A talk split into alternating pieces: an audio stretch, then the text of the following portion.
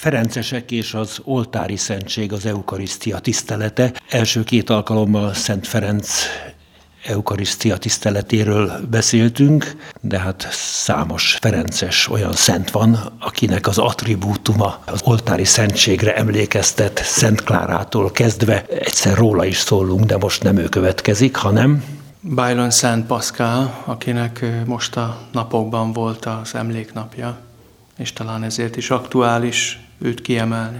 A Pasaliti templomban látszik látni ábrázolását, és a Salgotarjáni acélgyári templomban, amely Ferences templomnak épült, tehát jelen való a kultusza a Ferences templomokban. Mit lehet tudni róla? Bájlani Szent Pascal a 16. századi Spanyolországba született, nagyon egyszerű paraszti családban, nagyon mély vallásosság jellemezhette ezt a családot, ezt tudjuk Pascal életéről. Pünkös ünnepén születik, innen is ered a, a neve egyébként, mert hogy a pünkös spanyol népies megnevezése az a Pascua de Pentecoste. Gyerekként bízták rá a juhok őrzését, és aztán növekedve is azzal telt az élete, hogy a nyájat őrizte.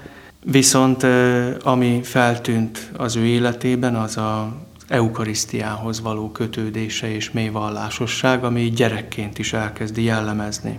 Azt mondják róla, hogy olvasni is úgy tanult meg, hogy a tarisznyájában hordott egy imakönyvet, és hogyha arra járt valaki, akkor megkérte, hogy, hogy magyarázza meg neki a betűket. Nagyon szimpatikus számomra a fiatal Paszkában, hogy bár egy, egy egészen földműves vagy állattenyésztő életben van benne, egy, egy, ha azt is mondhatnánk, hogy ugye nem iskolába jár, nem ott tanulja az írást, olvasást, de valahogy a lelke mégis így, így finomodik. Ellenáll egy, egy ilyen lelki durvulásnak vagy, vagy műveletlenségnek. És a valódi iskola lesz számára az oltári szentség előtt való időzés, amelyhez akkor is kötődik, amikor nem tudott lenni a Szent Misén.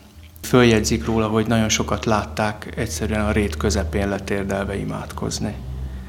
20 éves, amikor belép a Ferencesek közé, és igazából pár év múlva olyan belső békesség, olyan belső tapasztalat lesz benne így, így nyilvánvaló, hogy elkezdenek járni hozzá művelt meg, meg tehetősebb emberek is tanácsért, a maguk életének a kérdéseivel, mert úgy tűnik, hogy Pascal így az oltári szentség előtt való időzés iskolájában úgy kiművelte magát, vagy úgy kiművelte őt a Jóisten ebben a csendes együttlétben, hogy más szemmel, a, a Jóisten szerinti tekintettel tudott ránézni az emberi életnek a kérdéseire.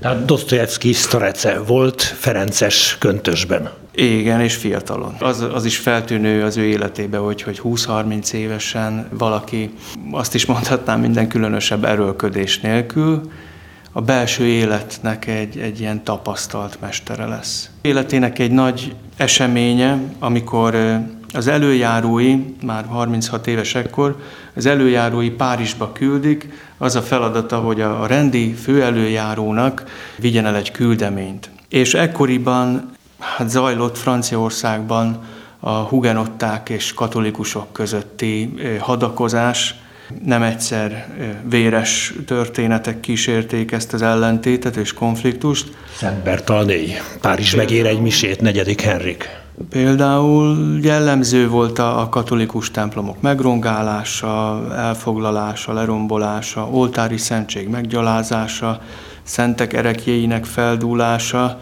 csak zárójelbe jut eszembe, hogy, hogy Szent Bonaventúrának a sírját is ekkor bontják fel és szórják szét a hambait. Szóval mikor, miközben ezek így mindennapos életnek a részei, közben megy a maga küldeményével Paszkál a rendi előjáróhoz Párizsba, és útja nagyon életveszélyes volt, és sok megalázásban is része volt. Kigúnyolják, sárral dobálják, van, hogy életveszélyes helyzetbe kerül, de mégis egyrészt így, így fölvállalta, és végig vitte ugye ezt a, ezt a feladatot, vagy ezt a megbizatást. 1592-ben, május 17-én hal meg, és sírjánál sok csoda történt. És ezért is lesz aztán később, hogy sokan pártfogóul választják őt, és, és védőszentként tisztelik, és aztán nem csak boldoggá és szenté avatják, hanem 13. Leó pápa a 19. század végén az összes eukarisztikus egyesület védőszentjévé nyilvánította. Tehát ez az eukarisztikus konferenciák előestéje, mert a 900, 1900-as évek elején kezdődött az eukarisztikus kongresszusok sorozata, és hát Pascal tulajdonképpen az eukarisztikus kongresszusok védőszentje is vélhetően. Igen, így van, és ami, amit valóban így, így, így magunkkal vihetünk az ő életéből, az a bátorság ahhoz, hogy csendben elidőzünk az oltári szentség előtt, bízva abban, hogy a Jóisten ott minket alakít, formál az ő saját iskolájában, a másik pedig ez a tudata ennek a, a magunk Isten kapcsolatának, hogy lehetünk mi az Istennel egy, egy olyan kapcsolatban, hogy csak ő és én. Bájlon Szent Paszkál, aki, ahogy mondtam, nagyon nehezen tanult meg írni, olvasni, mégis a, az élete vége felé leírja a lelki tapasztalatait, és, és van egy ilyen bátorítása, egy ilyen bölcsessége, hogy, hogy amikor imádkozunk a Jóistenhez, akkor azt úgy tegyük, hogyha ha kérünk valamit Istentől, akkor szeretetből és a szeretetért kérjük. Akár alkalmas, akár alkalmatlan. És azt mondja, hogy szakadjon el szíved ezen világ ügyétől, mintha ebben a világban más se volna, mint Isten és jó magad. Valahogy, hogy elhiggyük, hogy, hogy van ilyen, hogy csak Isten és én. Ez a benső kapcsolat, amit az eukarisztikus jelenlét is erősít.